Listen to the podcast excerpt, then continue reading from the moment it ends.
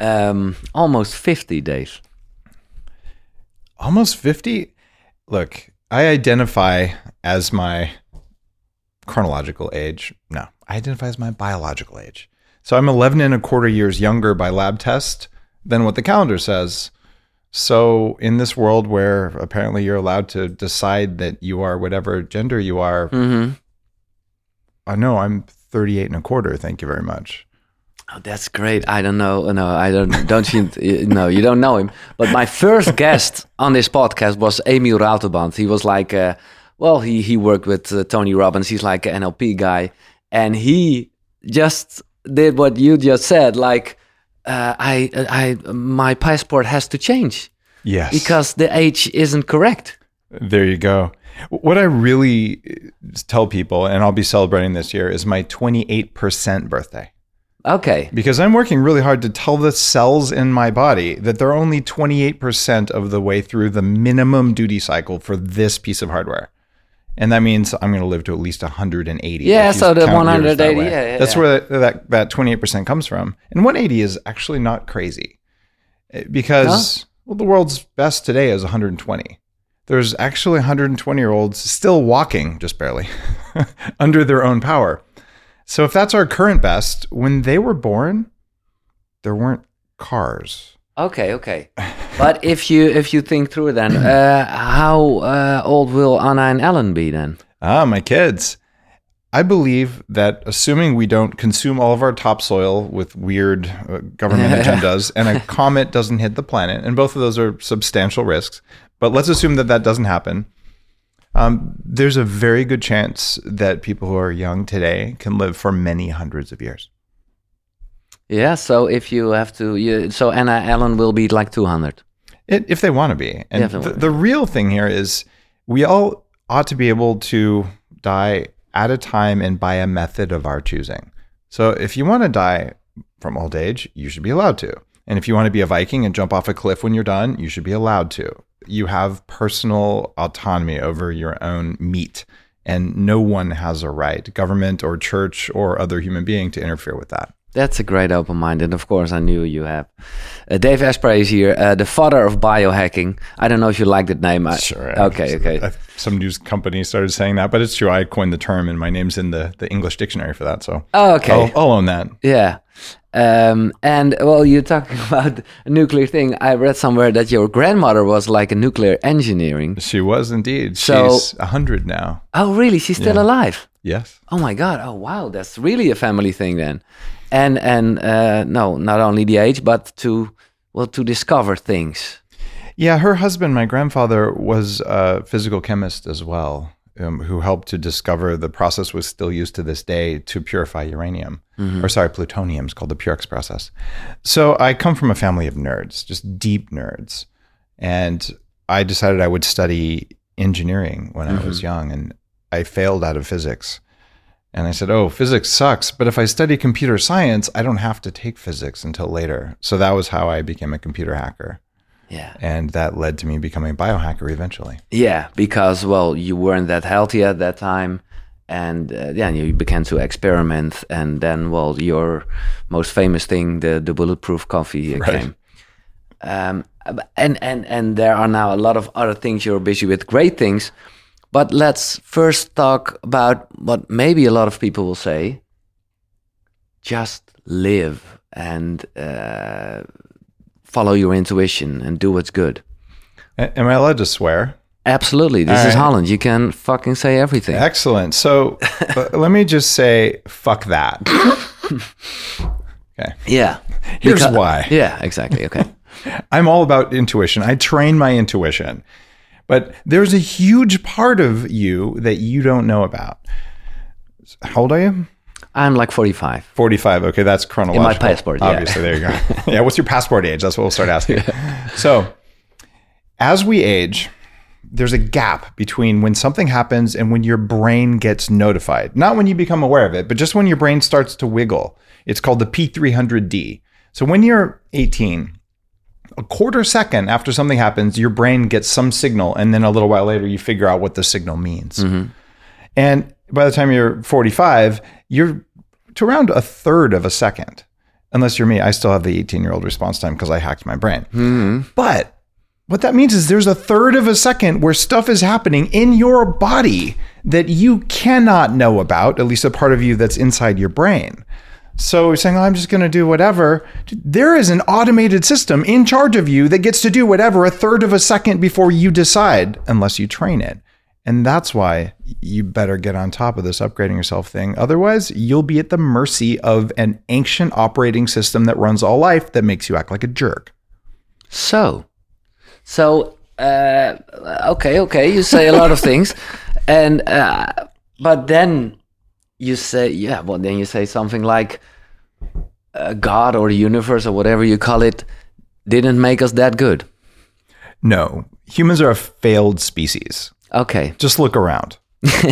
it's time to upgrade ourselves or get the hell out of the way.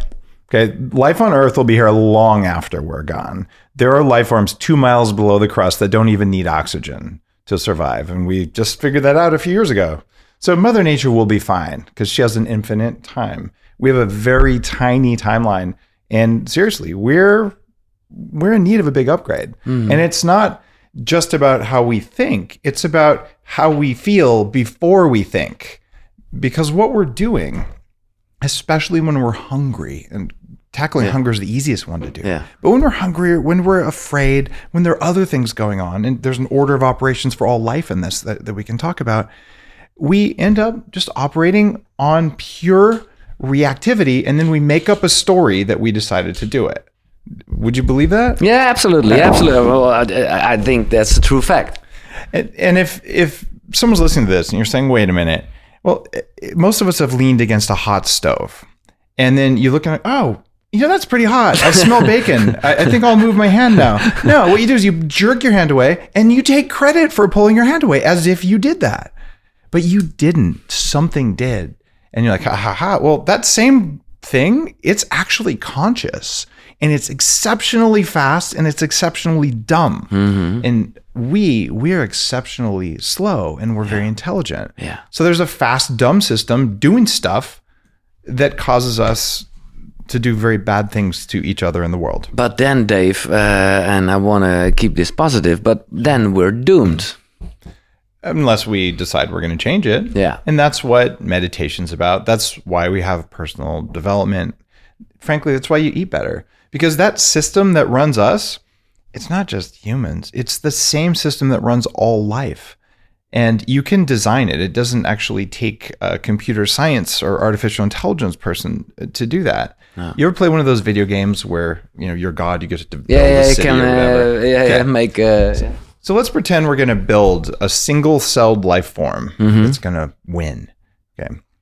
Step one, by the way, it's, it does, it's not smart. It doesn't have a big brain, so you can't make it really, really complex. So step one would be run away from, kill, or hide from scary things. Right? Pretty good rule. Otherwise, you get eaten, you lose Yeah. the game, right? Always, yeah. Okay. So you're going to put all of your energy, 10 times more energy into that than anything else, just to make sure you don't lose the game. Okay. Next up, eat everything because a famine is probably going to come along. And if you ate everything before competitors did, okay, there you go. So these are all the F words that are kind of at the core of my work. So there's fear Yeah. and there's food. And what else does life have to do to stay around forever? It's also an F word. well, I hope fun.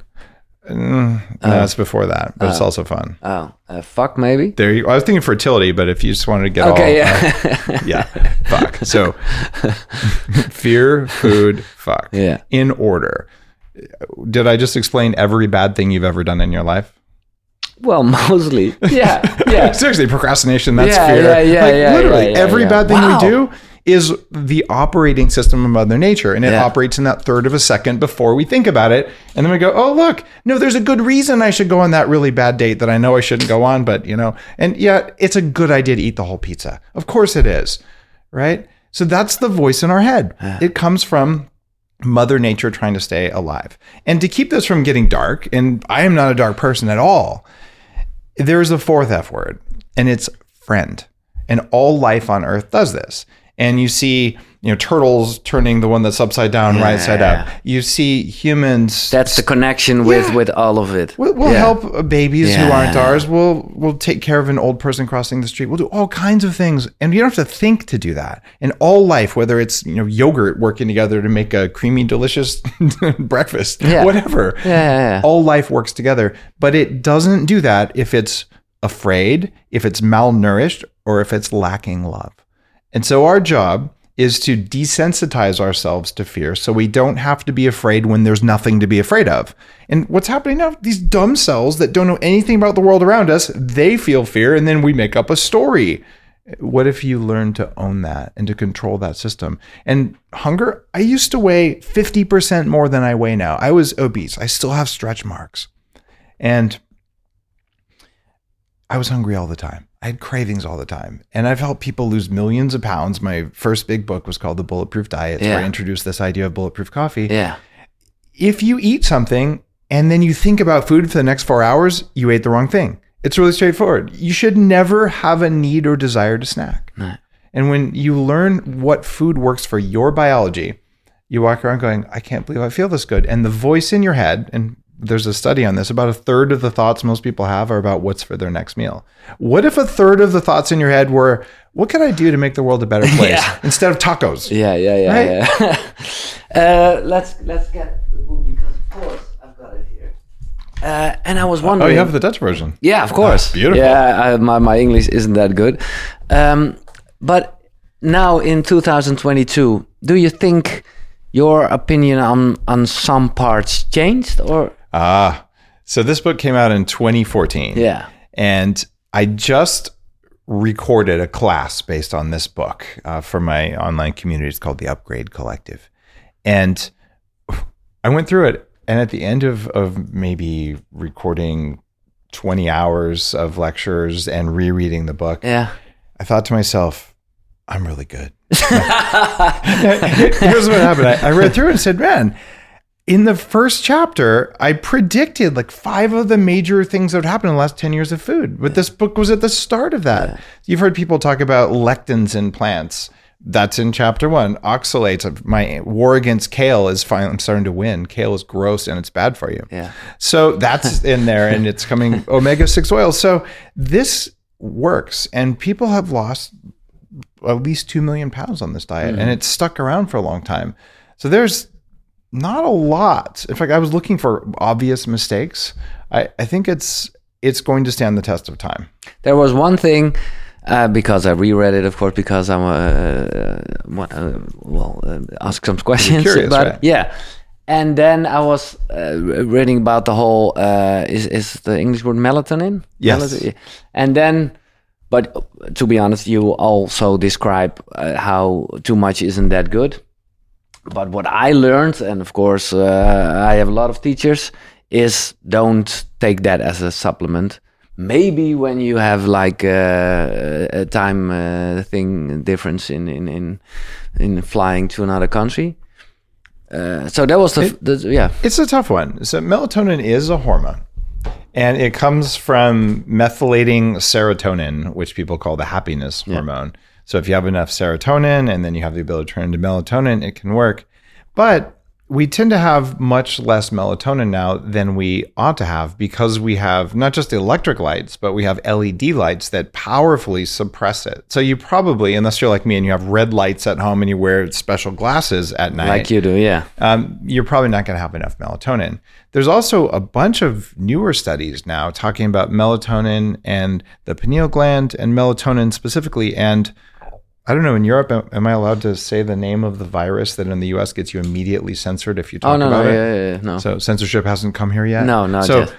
people who are on melatonin and get COVID tend Yeah. to have better outcomes. But Yeah, literally. I couldn't say that in the US Okay, anymore. okay, they, okay. they shadow ban you on social if you do okay that. well you can say here uh, I hope uh, Yeah. but well and that's uh, i i really enjoy it because there are a lot of biohackers who are so busy with with well hacking the system which is of course It's fun, fun, and right? great but uh what i don't like is that and and you are not saying that that they are thinking oh you don't have to sleep that much then you're really like and Yeah, I, I'm gonna have to own that. I when I started Bulletproof, I was working full time as a vice president at a computer security company, and I slept four hours a night for almost two years straight. And I started a company that's done more than five hundred million dollars in revenue Yeah. because of that. I don't regret it. No. But if you're going to do it, you can break yourself. And it wasn't good for me. But if you know what you're doing, you can do that. And what you can do is you can get less sleep, but so much higher quality sleep Yeah. that it's okay. So it's not about getting as little as possible. That's bad. But the people who live the longest, they sleep six and a half hours a night. Eight hours a night is a made up number. It's actually not real. And people who require that to be rested provably die more often than people who need less sleep. And maybe it's genetic? No. It's that healthy people need less sleep. Yeah. So if you have less toxins and you have more recovery, And I think it works. I think there will be a difference between man and a woman.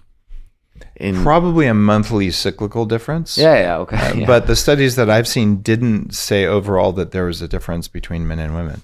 I've got a lot of questions, and now uh, there's this question about this sleep, so it's a good uh, time to ask this. Oh yeah, it's just a question of Jessica. Hacks for better quality of sleep. All right. Best URL of my entire life sleepwithdave.com. I will, for free, I will teach you everything there is in the shortest possible amount of time. So there are a lot of things, but the most important one is your bedroom needs to be blacked out like a cave. And people say, oh, but I had a little light on, or I have blackout curtains, but light comes around them. No, a study in Japan of 800 people found that the amount of light from a street light coming hmm. around a blackout curtain increased depression by 69%. So it's not that you can't go to sleep, it's that the quality of your sleep isn't very good, which leads to your brain not working as well, hmm. which leads to depression. So, what I would like to say is, especially here, and I live in Canada where it also is light very, very Yeah. late, you've you've just got to do something about that, which means pay extra for curtains. Second thing, eat dinner earlier. The longer the time between dinner and sleep, the better your quality of sleep. And those two things transform everything unless you have bright lights on before bed. And that's Yeah. the third big thing. It only takes a few seconds of that bright bathroom light or the bright kitchen light to completely turn off melatonin production. There are companies that make blue blocking glasses, Oh, yeah, yeah. but they don't work very well Oh. because blue is one of three colors of light that wakes you up. So they allow your body to make melatonin, but unfortunately, they don't fix your sleep quality. So uh, my company called True Dark makes the ones that are are patent pending for all the different colors of light and angles of light. And if you can't get those, there are glasses that at least are red instead of orange or yellow, and they work way better than blue blockers. Of course, in the description, I will put the link. And I'm I'm really glad uh, you went to my uh, uh, bathroom downstairs. Yep. So you were walking down my uh, uh, sleeping room, and when I came here, I was like, there aren't any windows. but now I think, yes, there aren't any windows. Yeah, for your bedroom, it's so tempting to have this beautiful view. Yeah, yeah, yeah. Here's why that might be a good thing, though.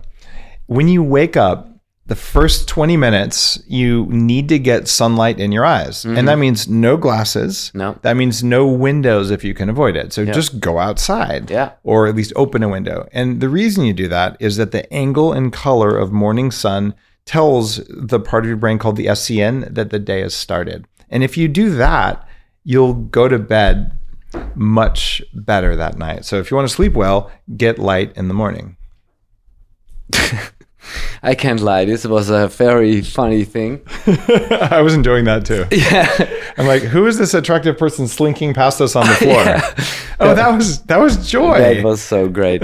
Enough about sleep. Um, there are so many things I would like to talk with you. Mm, what? What? How? How? How spiritual are you, Dave? I am really spiritual. That system we talked about, those four F words that Yeah. controls all life, I believe that those are the antennas of reality. And have you heard of you know, quantum biology? Mm-hmm. And, and I heard you on the episode with Joy Martina talking about intuition and all of that. Well, these ancient embedded sensors in our cells are, are mitochondria. And people think that these little things are power plants in our cells, but that's not accurate. They sense the environment And then based on that, they decide what to do. They can make power, they can make inflammation, they can make protein, they can make hormones, they can make neurotransmitters. So they're actually the puppet masters of your mm-hmm. body. They also are exceptionally sensitive to the environment. In fact, anything that your brain or your nervous system picks up is originally sensed by a mitochondria. So what ends up happening there is these guys are a, a distributed system that is connected to all life on the planet. And that is the nature of intuition. That's also uh, the nature of manifesting reality.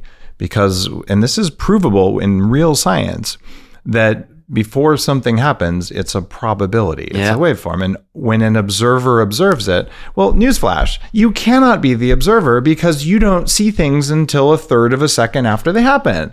Maybe you could program that network inside your body to be more aware of the environment, to look for things that you want to happen in your life. And when you do that, they will happen because they collapse the waveform.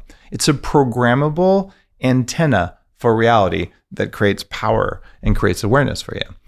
Wow. And was there a specific moment you realized this? Because I'm really thinking about the time I I uh, used it once, uh, ayahuasca, and and get this exactly this feeling, not in these words, uh, because you described it really uh, well. Uh, I know a lot of biohackers are also experimenting with with plant medicine and things like that.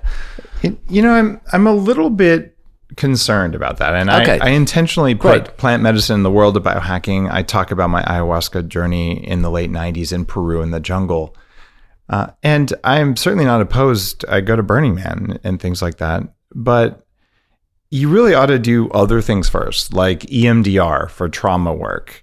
Uh, you ought to learn tantric sex techniques. you should learn holotropic breathing. You should do neurofeedback and heart rate variability feedback. And if those aren't working, then start with the soft drugs. You start with things like GHB and ketamine, which work really well. And maybe you progress to mushrooms, which, in fact, first time I had those was here in Amsterdam. Who would have Okay. thought? right. And after that, maybe there's LSD. And after that, Okay. ayahuasca. Because there's different levels. Actually, before ayahuasca, I would do DMT.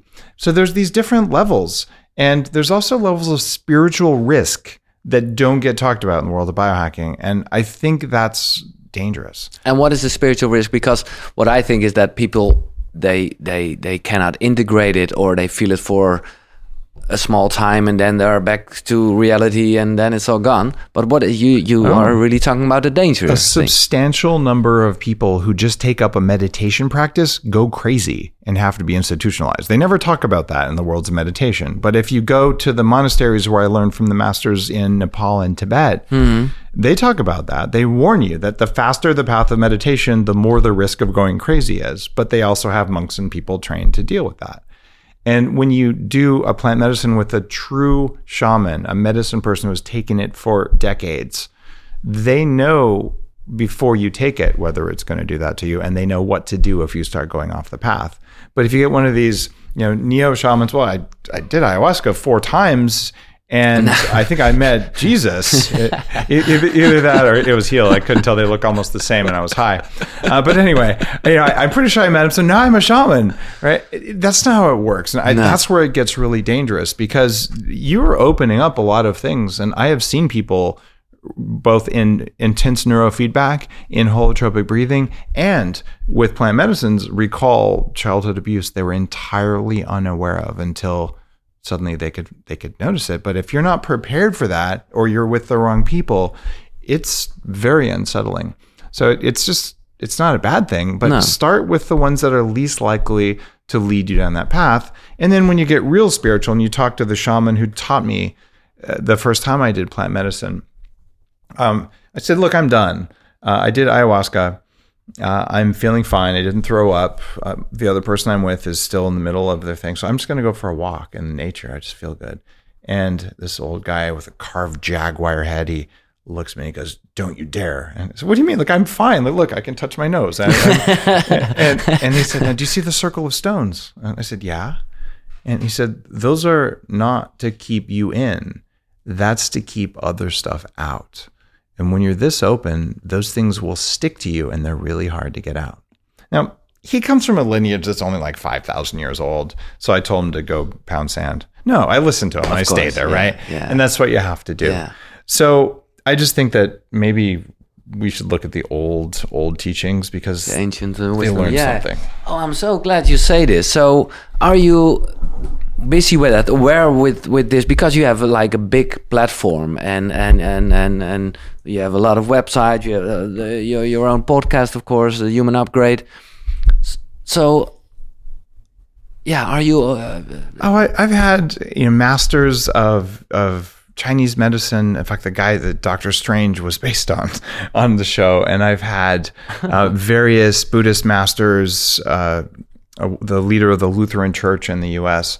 And I'm actually looking now at starting a spiritual focus podcast because it's such an important part of biohacking. What I have found in fact, uh, Shaman Durek is a friend um, who's uh, marrying the Princess of Norway Okay. and was on the show a while ago. And when I worked with him and he worked with me, and we're friends, uh, he started using some of the biohacking techniques like putting butter in coffee or the glasses. And like every other guru and master I've ever worked with, when you turn on their mitochondrial function, immediately their spiritual powers get better. And I've had calls from a guy named Tilak, who was uh, probably the most the most famous spiritual guru from uh, Indonesia, and he, Dave, I, I feel like I got my brain back. He's, he's older. Like I, this is so good, and they're measuring his brain waves uh, at the Noetic Institute and all. So biohacking works better when you're spiritual. So you get a bunch of young guys and young women, which makes me really happy because they're turning all the stuff on that I didn't have when I was in my 20s because I was obese and my brain was failing yeah. right? And all of a sudden they're saying I can do my personal development now, and all of a sudden they're like I'm 35 and I dealt with all my trauma and I'm still young and I can go change the world, and it's so much easier that way than slogging through it and just being in pain and suffering all the time, which is kind of what I did. Yeah. So you say if it goes hand in hand, it is Yeah, really powerful. yeah. I ask you to think about uh, three books that gave you inspiration for your life. Uh, so, uh, All right. I don't know. Do, do you still read a lot of books, or more like? oh yeah. Okay. I read. I listen to a lot of books now. Yeah. uh, because well, it's sometimes just easier to do other things at the same time. But My sponsor would love that you say so. So that's great. th- there you go. Right. That's Storytel. Yeah. I was really thinking about it. One of them is Think and Grow Rich. of course, Napoleon Hill. Yeah. So when I was 16, I read this book Okay. and I wrote down a goal. I said, I'm going to make a million dollars by the time I'm 23. And I wrote it specifically, you know, in, in liquid assets or something. And when I was 23, I totally didn't make uh, a million dollars. I was an entrepreneur magazine. I was the first guy to sell anything over the internet. And it took Yeah. me until I was 26 to make $6 million. So I think it worked. Of course, I didn't say and keep it. So I lost it when I was 28. So- Always think about. yeah. You, you should write those intentions real carefully, guys, if you read Napoleon Hill.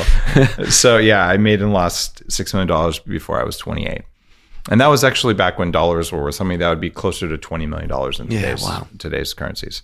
So Napoleon Hill. Napoleon Hill for sure, and uh, there's so much value in that book, um, including the stuff about. Um, specifically, there's a whole chapter on sex. Now I was just, energy. I was you just, gotta do that. uh, b- b- the whole transmuting. We'll, we'll yeah. get there. I have data for you on that. Okay then. But but you want to do the, the other two books and then no, we'll no, no. First, uh, right, so let's get this all one about because the sex. All right. No, because this this well for a long time I was really I I, I didn't know because it's really like an old book, of course. So I, I really didn't know what he meant. Was he like, okay, I shouldn't jerk off anymore and and and and keep the energy, or I will have to do it every day? Uh, and and was I was googling a lot of it and and really. So so you looked at a lot of porn sites. Is that what I'm hearing? No, no, no. I no. I think that's that's one of the good things. I immediately understood. Stop with that. Okay, that Uh, good. And and and and of course, I uh, and I talked about this a lot in this podcast. So, Okay, good. Yeah. So I heard about this from Napoleon Hill and a few other things, uh, and the Taoists write about this a lot. Yeah. And uh, Taoism is actually about not just reaching enlightenment; it's about immortality and living forever. Yeah.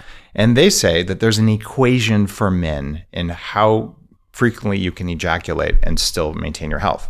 And it's age, I think they mean uh, chronological age. They didn't really know about that. But anyway, age in years minus seven divided by four. If So you- again, age in years Yeah. minus seven divided by four. For, so for you, it's 45 minus seven is Yeah. 38 divided by four, which is what, about eight, nine, something like that, eight or nine. So that says you should not ejaculate more than once every nine days. Doesn't mean you can't have sex more than that. It doesn't mean that you can't even have orgasms more than that. You just can't ejaculate. And there's a little footnote. When you do have an orgasm, they said you have to keep it to less than an hour. So, as a biohacker, I read this about 10 years ago and I said, This sounds like utter bullshit. I'm going to prove them wrong. Okay. So, yeah, you should always go up against thousands of years of people living in caves taking notes because, you know. So, I started tracking and I t- took a daily happiness score. Like, how much energy do I have? Do I like my my relationships? Do I like my job? Do I like my life? And I tracked um, ejaculation, I tracked sex. And after a year of this, including oh, the other thing, if you want to live forever, only ejaculate once every 30 days. So for a year, I tested ejaculating whenever I wanted, going for 30 days or going for eight days. And what I found is that there's absolutely an ejaculation hangover. So the day after you orgasm, mm-hmm. that's why, you know, the are you going to call me in the morning thing is so famous. well, no, actually guys aren't. And John Gray, the guy from Mars and Venus, who's a dear friend, has written a lot about the testosterone drop that happens after you ejaculate. Yeah. So, what happens if you say, you know, I'm going to have sex as a man, but I'm not going to ejaculate?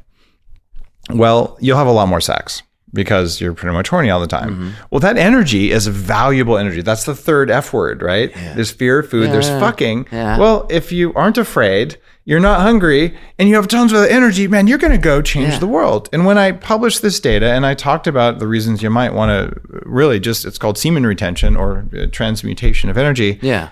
I had dozens of people reach out and say, uh, Dave, I just got a massive promotion. I started two new companies, especially if you're under 40. Oh my God, it's totally life changing. And if you're masturbating and watching porn, it's not going to work. But here's the thing you actually could masturbate and watch porn, although I don't think porn is good for you for other reasons, as long as you don't ejaculate. So, That's the whole transmuting That's the thing whole thing. Napoleon Hill. but for women who are listening as Yeah. well, it's not the same. And what the Taoists say is that a woman walks away from sex undiminished. And there's lots of studies that show for women that frequent orgasms are associated with EQ, emotional intelligence, and all kinds of other stress relieving and anxiety things. So it turns out the rules are different for men and Yeah, women. yeah. And so I couldn't find a published equation for like the the proper spacing or number of orgasms for women. So I had to write one. And I figured it out. You wanna know what it is? Yeah, of, of course. So it's the number of orgasms until she feels like she's going to die, plus two. Okay. Okay, that's that's the best. And I've I've really in surveys asked dozens of women and all of them laugh and then nod. So I'm just gonna think I got that one right. But Great. oh, Dave. Oh, man. you didn't think I was gonna go there, did you? And you experiment a lot with Tantra as well, I think, then. Yeah. Yeah. Great. Uh, okay, book number two All right. Book number two for me is called Headstrong. Headstrong. And this is a book about how to make your brain work better, how to raise your IQ, how to have a brain that works really, really well at any age. This is why my brain has the same awareness of the environment as an 18 year old would. But is that uh, what, what, what have you learned about uh, in this book? Is it about food? Is it about uh, place with with? It's it's a comprehensive book, but it's mostly about energy. uh, okay. And what it comes down to is that every day you take about 30 pounds of air, was that 15 kilos or something of air, uh, and some food, Yeah. and you combine them and you make electricity. And in your brain, what you want to do is be really good at doing that so you have more power in your brain. And that's kind of step one from Headstrong. And then step two is what if you could waste less of that power thinking about fear, food, and fucking? because you're now efficiently allocating it. If I sound like a computer science guy, that's because I studied artificial intelligence. Like that's, but it's really straightforward. Yeah. If the thoughts are going into, oh my god, is that a croissant? Oh my god, is that a pair of attractive legs? Like, oh my god, is that scary? It's a government. All of those things, Energy. you lose your mind. We call that losing your mind. So, what if you could program your mind the way you want it to? There's a technology for that. It's called meditation. And there's a newer version of that called neurofeedback. In my 40 years of Zen program now, we've had 1,500 high resolution brain scans of top performing, like spiritual leaders, top performing entrepreneurs, celebrities, people who have done something unusual. And we can now go in and train your brain mm-hmm. to turn off notifications, just like on your phone. Everybody knows by now that if you let every app pop up all the time, you can't use your phone. Well, every intrusive thought, that mean voice in your head, is just a bunch of bad notifications from an ancient operating system that needs a serious upgrade. You can turn those off with any of those practices. So you say neurofeedback for everybody? Absolutely. Uh, absolutely. You want to be the one in charge of what you do, though, because here's what governments would do with neurofeedback. In fact, you're getting to the roots of why it's called biohacking. Uh, Linus Torvalds is the guy who created Linux, which is an operating system that is probably powering a third of our conversation right now, but you wouldn't know it. It was made by hackers. And they said, you know what? Fuck you, Bill Gates. You won't tell us what Microsoft is doing inside Windows. We don't trust you. We know it's not secure. So we're going to write our own operating system and we're going to make it free so everyone can look inside it. Well, they did that because they know not to trust big companies. Well, biohackers know that you don't trust big companies to put stuff into your body unless they tell you what's inside it with full disclosure. Right? Especially things like implants. Mm-hmm. Yeah, right? yeah, yeah. You're like, who's going to hack your heart thing? I don't know, but I sure would like to know. And I'd also like to know what the code does. So if you let governments or big companies program your brain for you and you don't know what they're programming it to do and you acknowledge that your brain does something or your body does something in that third of a second you can see why you want to be the one in charge. So neurofeedback yes but you have to work with the right type of technology so that you don't take away your intuition you don't take away your magic and that's entirely possible to do. There are many studies now showing that if you study a group of people who meditate, they have special abilities. And if you study a group of randomly selected people, there are no special abilities. So what if you took meditating brains and you trained them as an evil neurofeedback company yeah, yeah, to, yeah. to become average? You would take the Olympic level athletes and make them average. Well, to be honest, that was uh, the bit where I was a bit scared about when I started with neurofeedback. That was like, oh, maybe I won't be that creative anymore. And they said uh, oh, to yeah. me, no, no, no. Uh, I, have seen it ruin people's creativity. I've seen it ruin oh. people's oh. sleep. Yeah. And I bought my own machine way back in the 90s when this was unheard of because I saw it cure an autistic kid. And I did 10 sessions with a, a very early rudimentary system. So I bought one. And after a little while, I realized doing brain surgery on yourself is a bad idea. and that's what this is. And you're literally changing it. So if you break yeah. something, you won't know you broke no, it. exactly. And you won't know how to fix it. So I, after a while, started 40 Years of Zen, which is a company in, yeah. in Seattle that does all this because I wanted, we actually built our own hardware and software for hacking your own brain but you're in charge of it, not anyone else. And it's run with neuroscientists and facilitators because if you're the only one doing it, you can only do, if you're the only one doing it, you can only do the most rudimentary things before you start getting into the danger zone where you can't go back because you know you edited your Too own far. brain. Yeah, right? yeah, yeah. But you will do that before you have the thing on your head you you you fill in what what you would like to change or how does it work? Well when when I teach people to do this there's something called a reset mode and there's a process a personal development process that goes with it. And what the neurofeedback is doing is showing you when you're in a state that you're learning. And there's actually a name for the state. And it's when you talked about in the last episode with with Joy Martina it's forgiveness.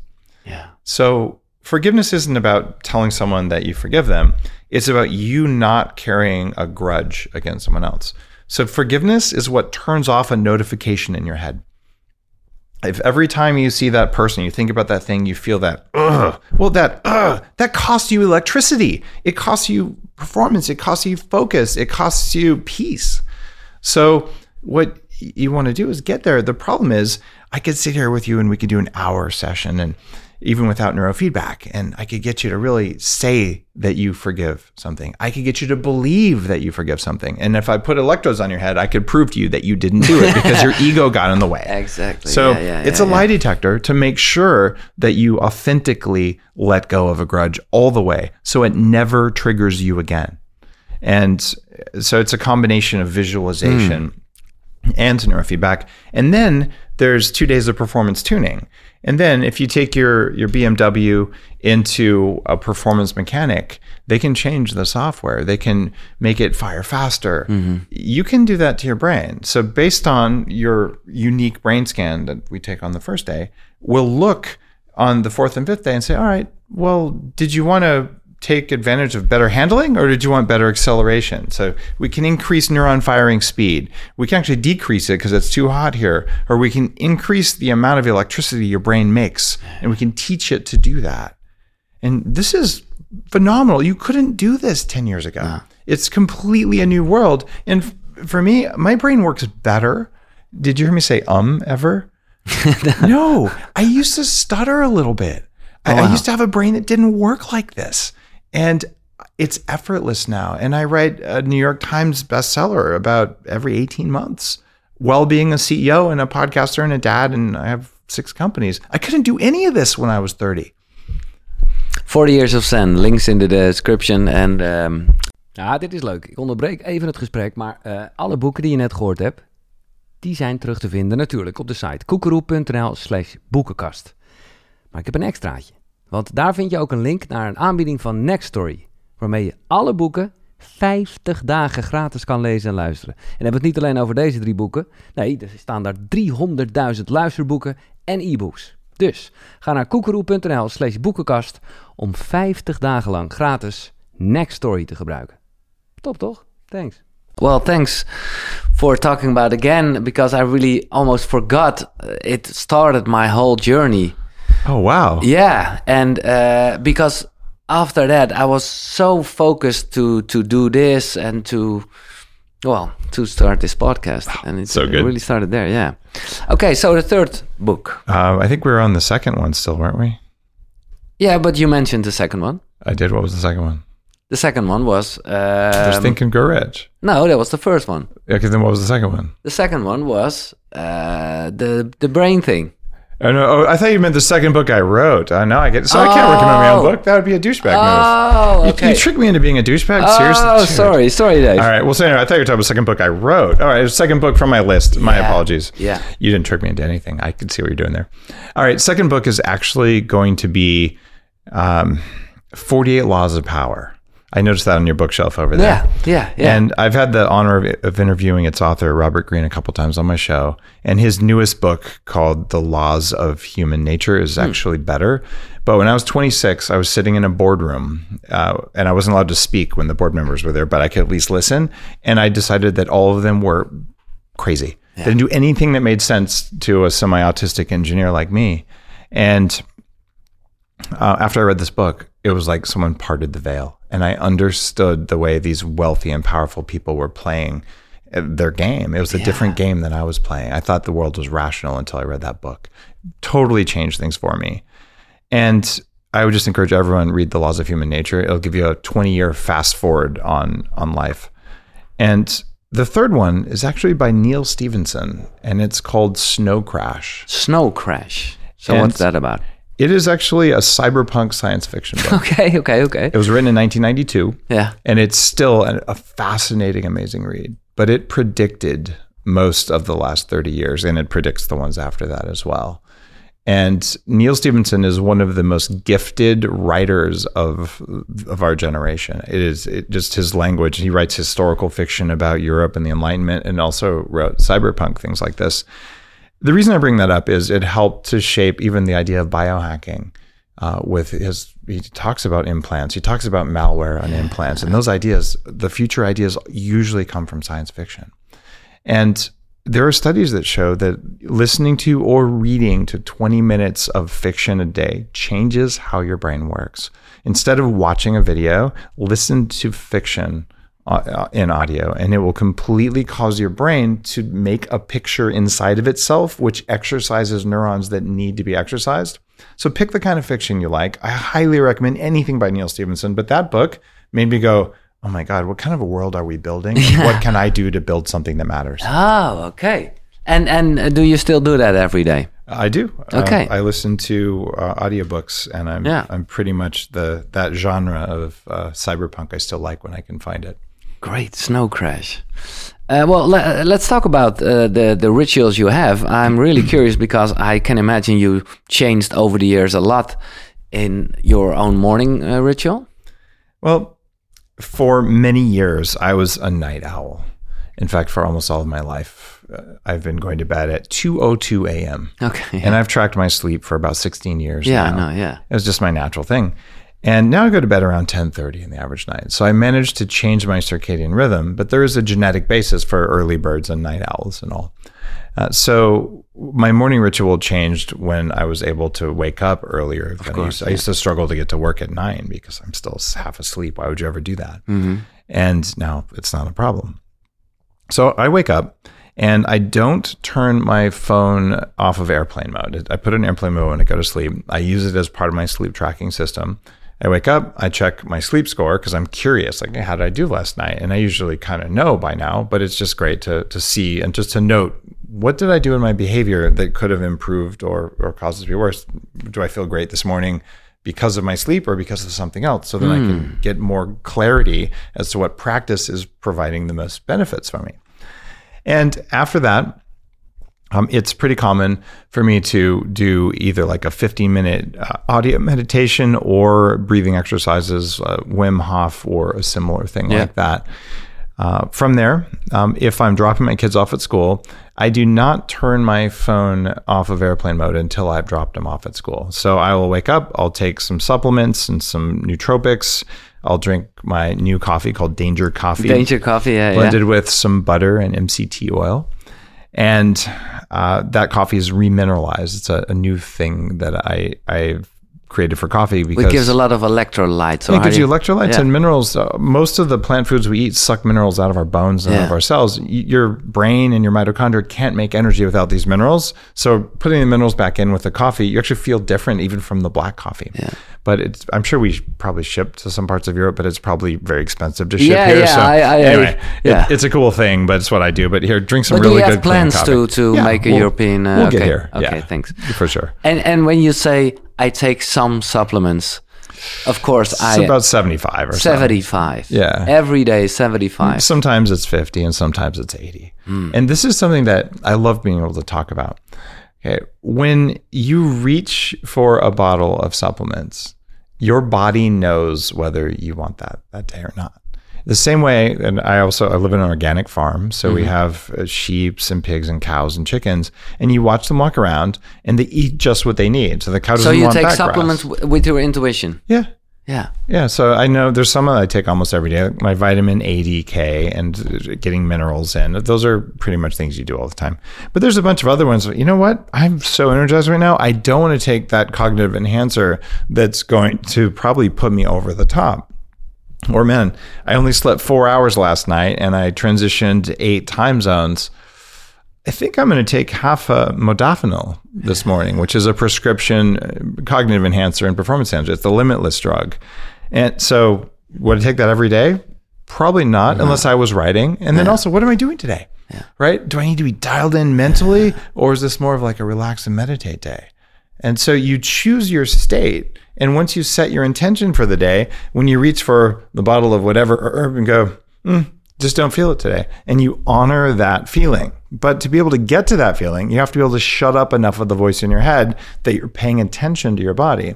And that's why the any kind of biofeedback, any kind of meditation, heart rate variability biofeedback, neurofeedback, anything that brings bodily awareness, your body knows, but your brain doesn't. So all the brain has to do is listen to the body and it'll tell you. But if we are talking about the whole Mm-hmm. science fiction thing, don't you hope that uh, at, some day you will wake up and there's this like this body scan, I don't know how it works, and then there's just this one pill, this one drink with all the supplements in it for that day? We're getting closer to that. Yeah. So, uh, my company called Upgrade Labs. It's a franchise. So we're opening this all over North America, and we'll probably do some country licensing um, over here as well. By the way, own and upgradelabs.com is where info on that is. And what we're doing there is we're looking at your biology when you walk in the door. We do a very complex scan of your body that takes two minutes. Mm-hmm. And then we write a prescription for which of the biohacking technologies is going to allow you to improve your brain, your cardiovascular, your muscles, or your recovery, do it way faster than Mother Nature wants. And With our- with blood or something or we don't even have to do blood. No, we can do it with electricity. Oh wow. Right. And then we tell you when you're there, okay, you do this, then do this. But it takes a tiny fraction of the time of going to the gym, and the results are better, sometimes 10 times more effective than going to the gym per minute. And then we say, well, based on what goals, what supplements would make sense? And this is where it starts to get weird.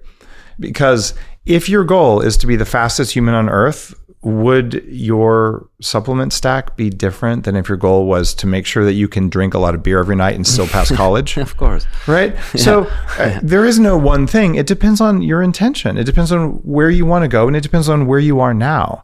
So we're building the AI algorithms for exercise and other biohacking technologies, and we're recommending supplements in the app. And there's a variety of other companies that are putting together custom stacks based on what your gut bacteria are doing, based on what your genetics do.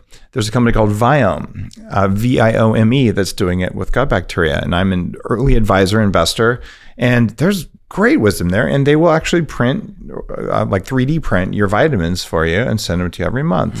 I don't know if they're in Europe yet. There's another company called the DNA Company that looks at your genetics. And they do something that's somewhat similar. And which one works better? It depends on who you are and what your goals are. They're both scientifically validated. They're both companies I worked with as an advisor with a very different data set. And what's going on here is we're getting closer to this magic word that Wired magazine talked about about 20 years ago. It's called the exposome. You you ever heard of that? No. I saw Bruce Lipton's book over Okay, on yeah, the yeah, shelf. yeah. Bruce is a friend, you know, the biology of belief. He's the father of epigenetics. Of course, yeah. Biohacking definition is the art and science of changing the environment around you and inside of you to have full control of your biology. It's a restatement of epigenetics. And I talked with Bruce about that. So when we're looking at something as as profound as that, we're saying, well, how do we know what we're going to turn on or off?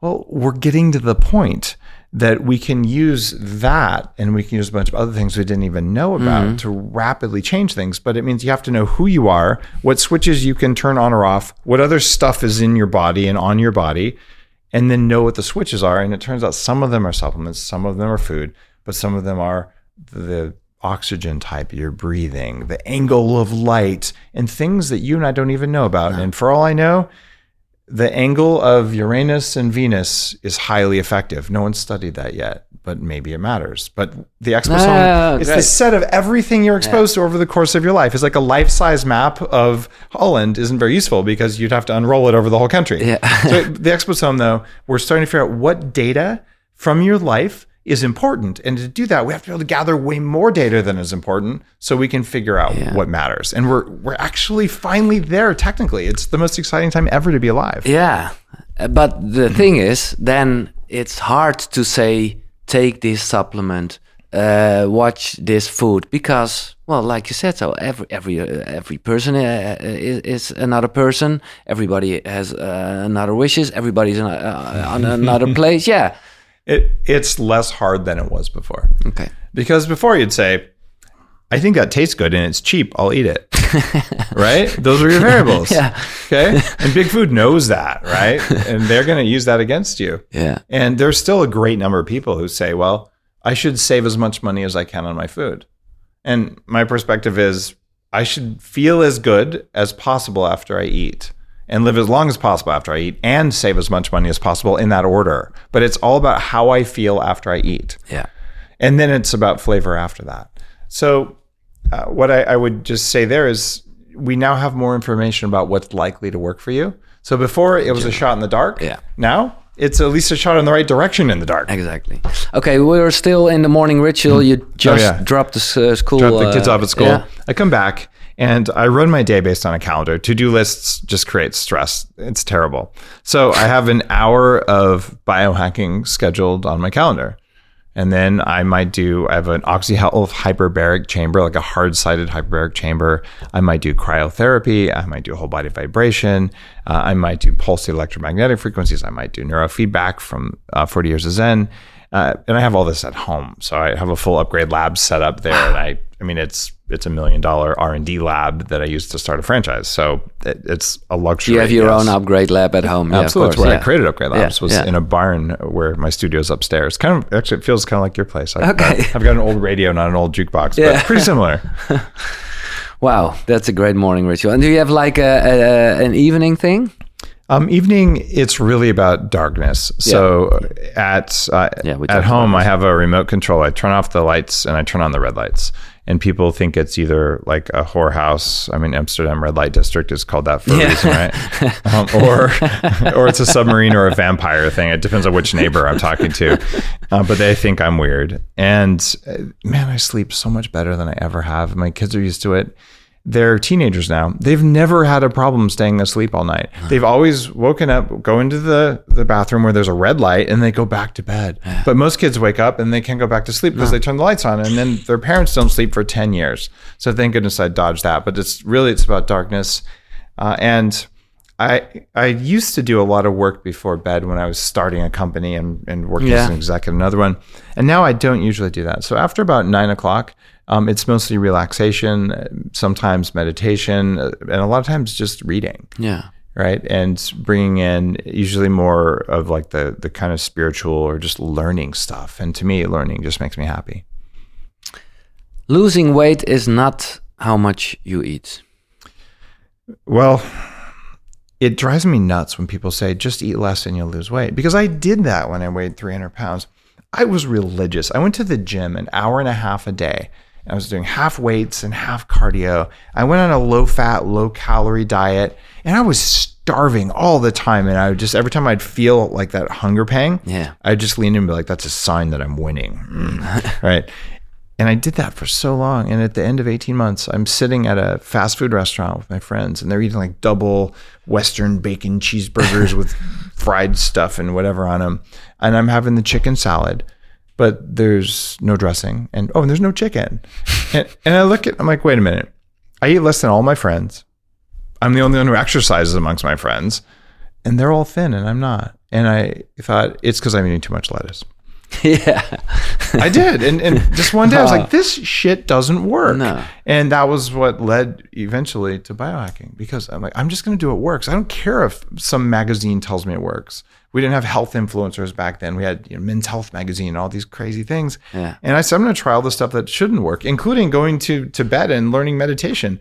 I only did that because the normal stuff didn't work. And I'm like, I'm still miserable. I've already been divorced before I'm 30. Like, what the heck is going on here?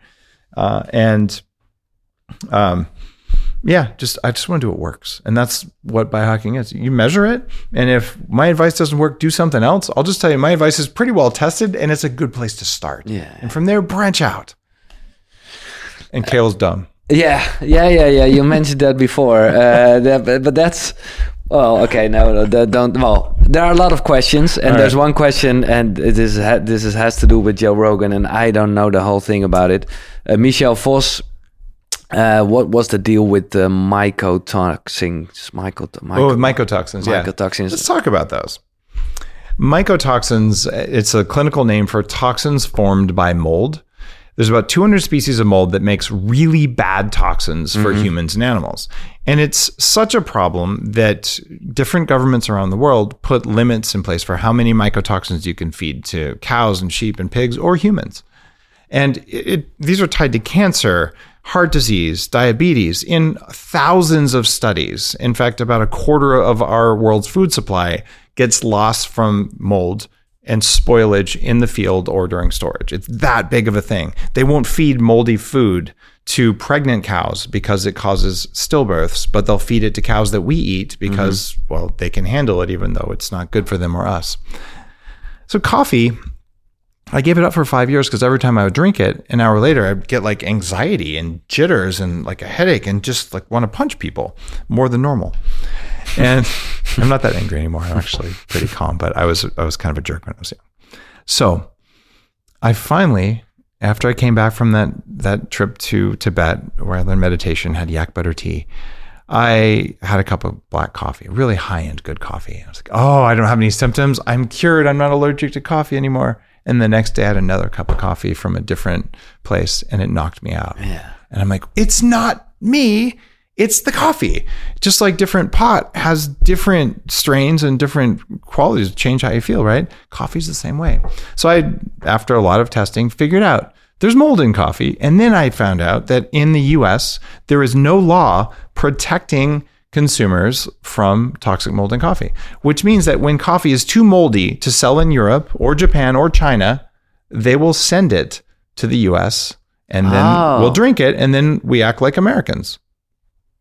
So it's an American thing. It's actually America and Canada don't have laws. Not Okay. that they always follow standards in Europe, but what I said was I'm going to make coffee that's free of mold. Yeah. So I developed an 80 page process for making mold free coffee. But that's the whole thing uh, that people are saying, yeah, that's just marketing. Mm-hmm. It's expensive coffee, and there's not any problem with normal coffee.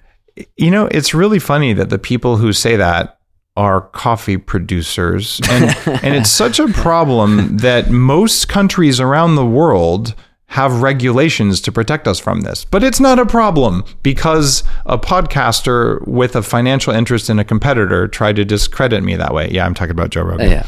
So I was on Joe kill Rogan. man. Yeah, I was on him like three times uh, on on the show, and and of like all the compilations. Oh, Dave's blog's amazing. It changed my life, and I think that Bulletproof Coffee really did change his brain. But when he invested in a competitor and decided to to do things he did, it was funny. He deleted my episodes from Spotify. Yeah, yeah, but you know what? Thank you, Joe. Love you, brother. Okay, then.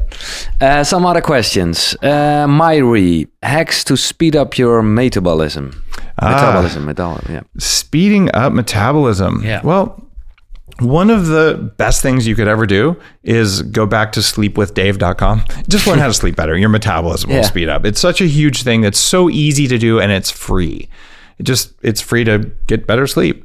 So from there, intermittent fasting, and my most recent book is Fast This Way. You can go to fastwithdave.com and I'll teach you how to do that for free as well. I I turn all my books into courses and give them away because Yeah. some people don't learn from reading and you don't have to buy the book if you don't want to. I just want people to know this stuff because frankly, if they know it, they'll be nicer and then they'll be nicer to me and each other. Like everybody wins. Win-win. So with intermittent fasting, it's not as bad as people think.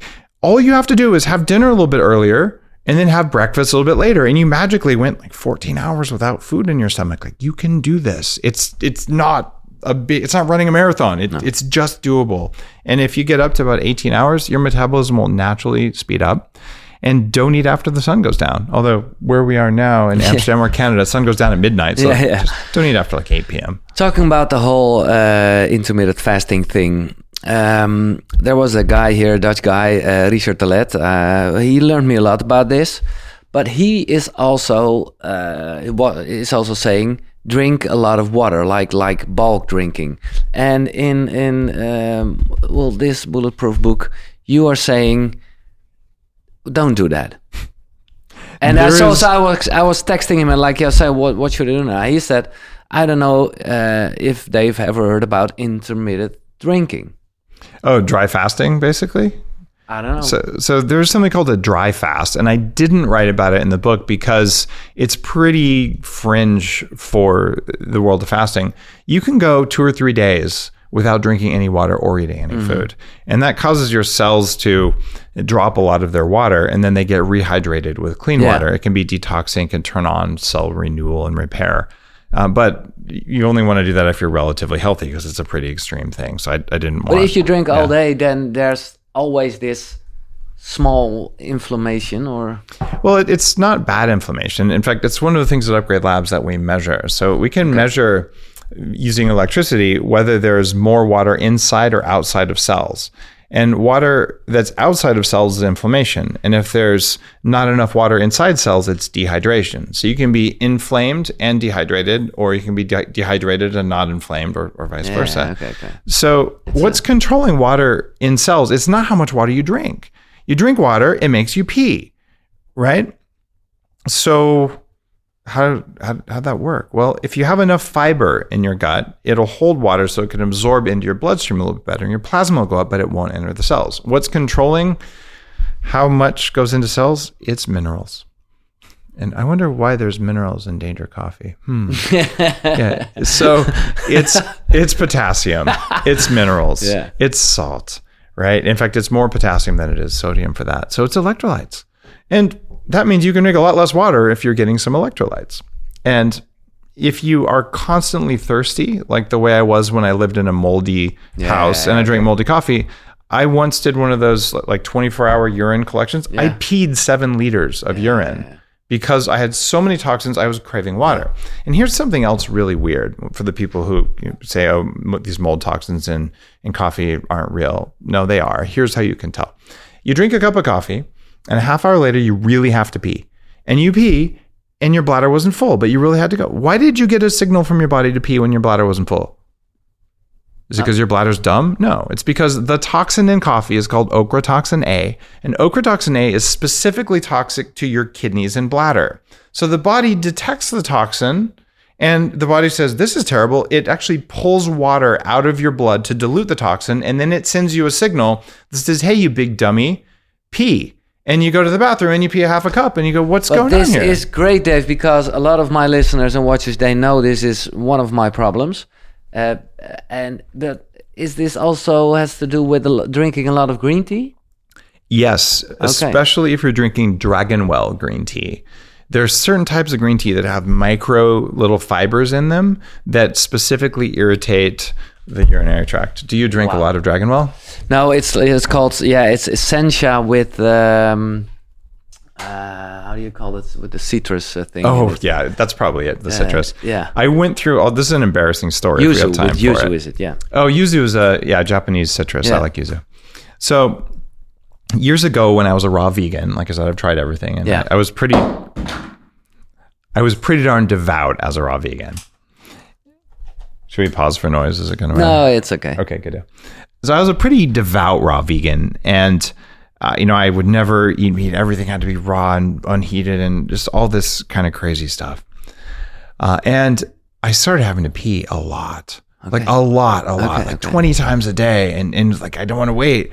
And so I went to the doctor, and he's like, I don't know, it doesn't seem anything's wrong. So went to an anti-aging doctor. Uh, nothing seems wrong. So he sends me to the top urologist in San Francisco. The guy rams a camera in the out only hole for men, right? Which is uh, one of the more traumatizing experiences I've had in a doctor's office. Uh, and I've had stem cells, I've had bone marrow taken Yeah, out. Just yeah, yeah. have my bone marrow. Don't stick a camera in there again. Anyway, um, he goes, Well, I can't see anything wrong with your bladder, but you only have one kidney. I'm like, What? So that was how I found out. Okay. I, I, I have one kidney that's twice as big uh, as a normal kidney, which means I'm more evolved than you because you still have two kidneys in case you Oh. get stabbed. Anyway, it's, just, it, it's a weird thing. But I went home and I still had to pee. And I was really annoyed about this. So I just did a bunch of research, and it turns out I was eating a ton of raspberries every day. And by the end of the week after I bought them, they were getting moldy.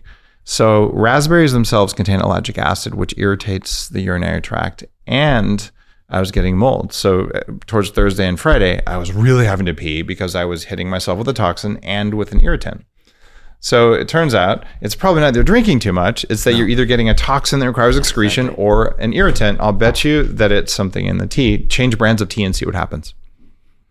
Talking about fruit, um, there was this uh, great conversation with a woman, Janneke van der Meulen, and she was talking about that we, in fact, should eat more fruit than vegetable all day.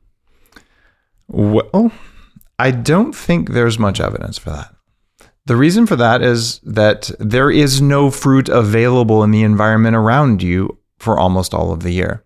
So when the sun is high and fruit is ripe and on a tree, yes, during that two week period for that kind of fruit, you should definitely fatten yourself up on that, which is what it's designed for, so you can survive through the winter when there isn't any fruit. So if that's what she meant, I would totally support it. If she meant we should import our fruit from Chile to Holland in the middle of winter, that's batshit crazy. Okay.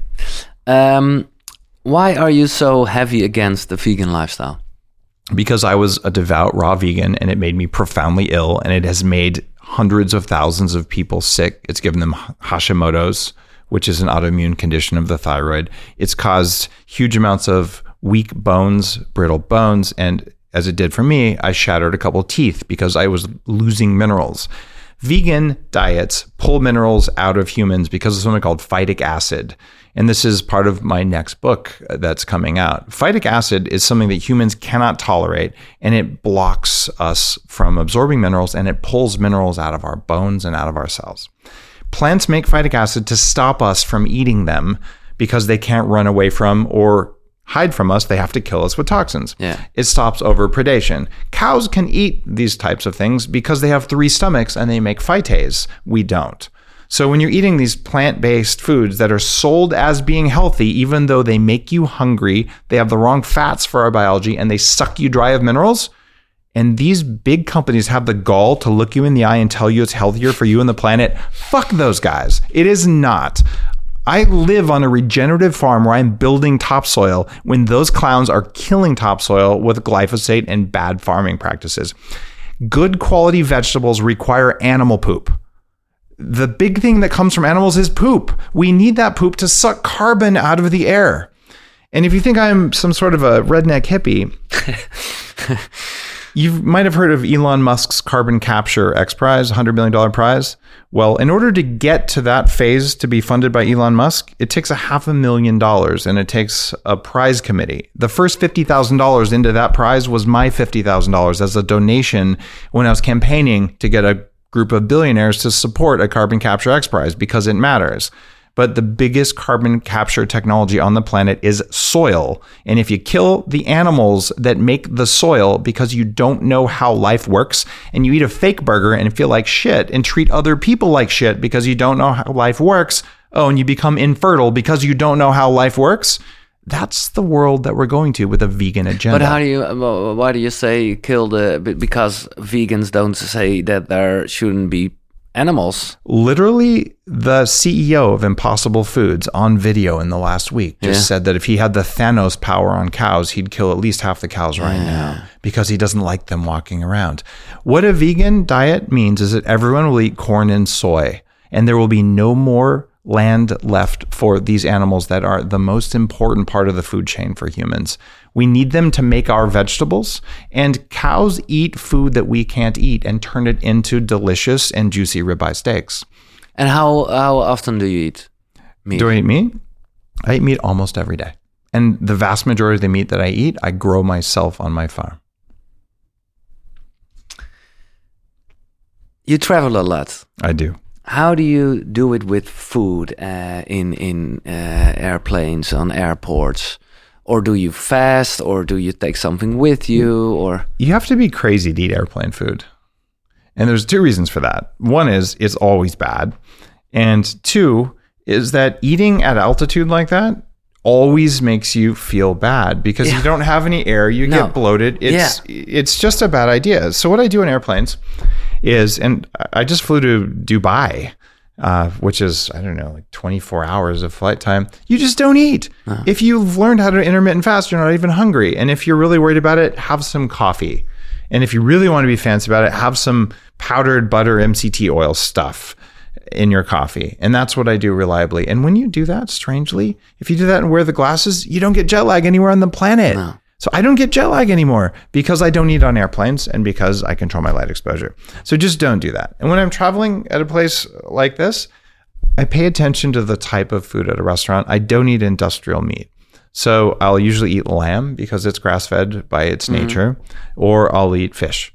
And I'll eat fish that's wild caught instead of farmed fish because farmed fish are really bad for the oceans. yeah, yeah. And then I eat, uh, by the way, I'll eat fat, uh, of course, like butter or MCT oil or olive oil. And I'll eat some veggies, the less inflammatory ones. But back to the person who came on your show um, who said eat fruit instead of veggies. Generally speaking, if fruit's in season, it's going to be better than most veggies because many veggies are inflammatory. Yeah. That's part of the bulletproof diet. When Yeah, you read yeah, it, I talk about that. Okay, the last question, uh, because we have to wrap up, and I hope to speak to you someday with, with a lot of other topics, um, but maybe we can do it online, whatever. Um, what role will biohacking have in the medicine world in the future? There will be a merging of biohacking and medicine. And part of this is going to be deregulation of medicine. Right now, the pharmaceutical companies use medical regulation to control what doctors are allowed to do, which is absolutely against human prospering and against human freedom. That's right at the end of, of its sustainability. So what's going to happen is doctors, and it's already happening now. If you go to the American Academy of Anti-Aging Medicine, Yeah. um, any of these things, um, you see that so many of the doctors identify as biohackers, especially the younger ones, and they're saying this is what I want to do, and they will opt out of hospitals. I would never do that. I wouldn't send my father there. I'm not going to go work there. I'm going to make people well. So it's going to happen because we demand it and because doctors who are healers want to do it. And these big regulated hospital things with insurance companies, if we do biohacking right, they'll be empty. Uh, Richard, the guy uh, I talked about this with the bulk drinking, he is asking, uh, you are a big player. Uh, what kind of counterforce do you feel? Counterforce? oh, to what I do. Yeah. You know, I was going to be on a stage uh, with Bill Clinton and Goldie Hawn at an event, and they canceled me two weeks before the event uh, because uh, I retweeted a letter from airline CEOs with scientific references Yeah. that said there's enough clean air on airplanes that maybe we don't have to make five year olds wear a mask for 12 hours on a flight because science. And apparently that was Oh, politically then- incorrect. Uh, but you know what? That's just fine, right? Eh, that happens.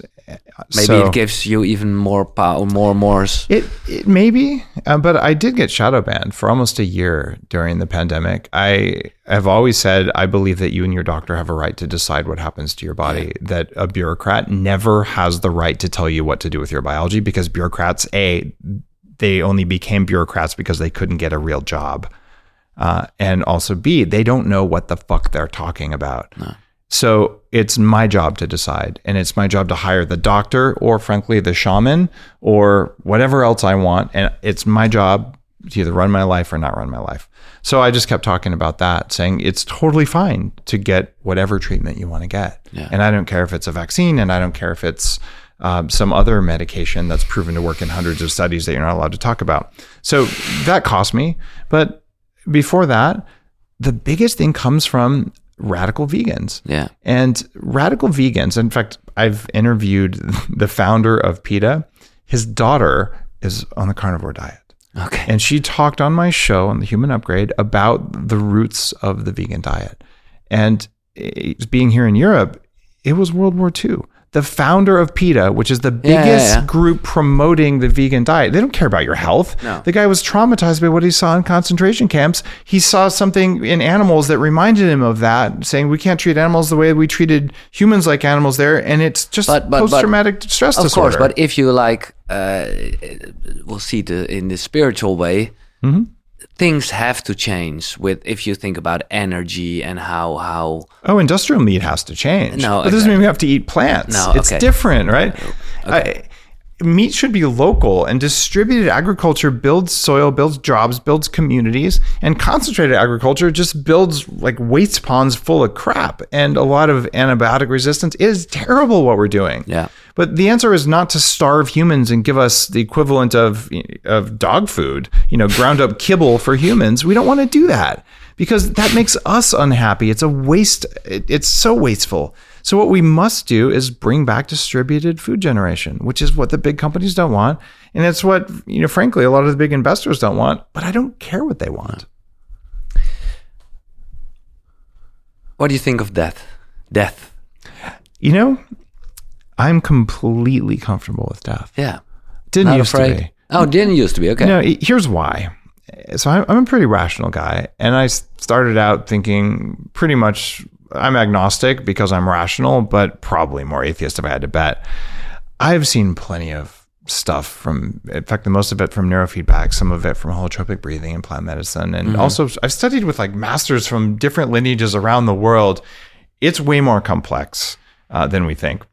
And what I decided is that I believe in reincarnation. Not just because I've seen some of my past lives, but it's the only rational belief you can have. And here's why. Okay. If you decide reincarnation is real, you don't have to worry about dying because you get to come back and do it again. You just hit game over, you know, restart the game. Yeah. Okay.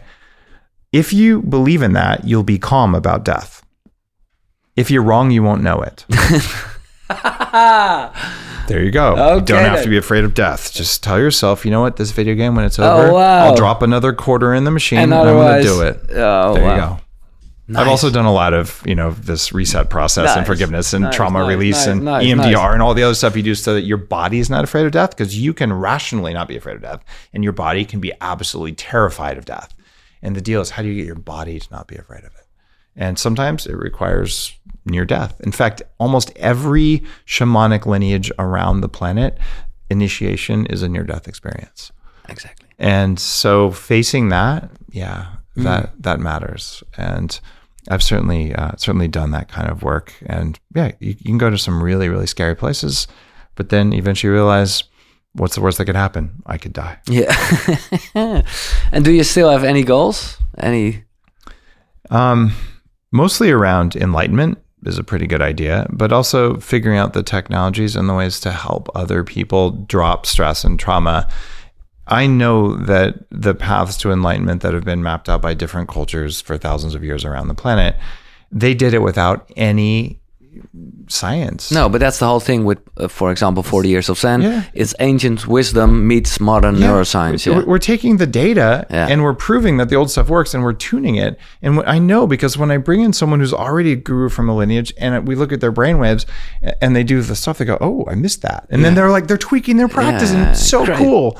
So we're going to make it so that everyone, including people in high school, get access to the kind of tech that lets them stop being reactive and programmable. We're going to make everyone on the planet really dangerous because who knows what they might do? Uh, They might do the right thing, even when they're told to do the wrong thing. They might have so much energy that they could think before they act. So I want to make a society full of conscious people. Great. If uh, if you ever have the possibility to uh, invite a, a, a Dutch guy to your podcast, do Casper. Casper Focus. He's like Okay. hack your state. I, I think you will love him. All right. Uh, how do you want to be remembered, Dave? I don't want to be remembered by anyone except my kids. Yeah, but Like- well, this is the political correct answer. No, it's not political. correct. Who the fuck cares? I'll be dead. Yeah, of course. But people will remember you. It doesn't matter. You, you- Okay. No, it doesn't matter. But You- I- I'm not going to tell you who I was, but I know exactly who I was before. You could find my body somewhere on the planet where people go to look at it. yeah, It doesn't fucking matter. no. It doesn't matter. When you're dead, you're done with that game. It it is just not important. What matters is the impact you had, the ripples that mm, you had. course. Like I want people to be noticeably better after I'm done. I would hope everyone else on the planet wants the same thing, but I don't care if my name is on it. I don't care if anyone remembers me. It's not important. What they should remember is that vegan diets are stupid. That would be awesome. Wow, is that the big thing of the Right now, it's one of the things I'm most concerned about Yeah. for destruction of the environment and destruction of fertility and IQ in humans. Yeah, it's that big of a deal. And it comes not from science, it comes not from helping but the environment, think, it comes from trauma. But if yeah, okay, but but if you're talking about the ripple effect, shouldn't it be better that a lot of people will well uh, try vegan and and will eat less meat than the big corporates are maybe uh, getting getting getting stuck, and then we go to the farms in the neighborhood. The big corporates want you to go vegan because they're going to sell you wheat flakes at the same price as steak. Yeah, yeah, okay. Like it's in their interest. You're playing into their hands if you think fake food is going to be against the big corporate America. They're they're literally going. Ah, next, we'll feed them crickets. it's gonna yeah. be so good. like screw those guys. That's not how it works. So what I want people to do is realize that the amount of energy that you have every day is entirely up to you. It's how do you waste less energy and how do you make sure your body gets the right nutrients it needs? And for the vast, vast majority of humans, it requires healthy animals as a part of your diet. Unfortunately, big industry doesn't want to sell you healthy animals or healthy plants. They want to sell you cheap plants and cheap animals. And that's not how it works. So what I want people to know is, you know what? whenever possible, I am going to support a local farmer because that makes the world a better place.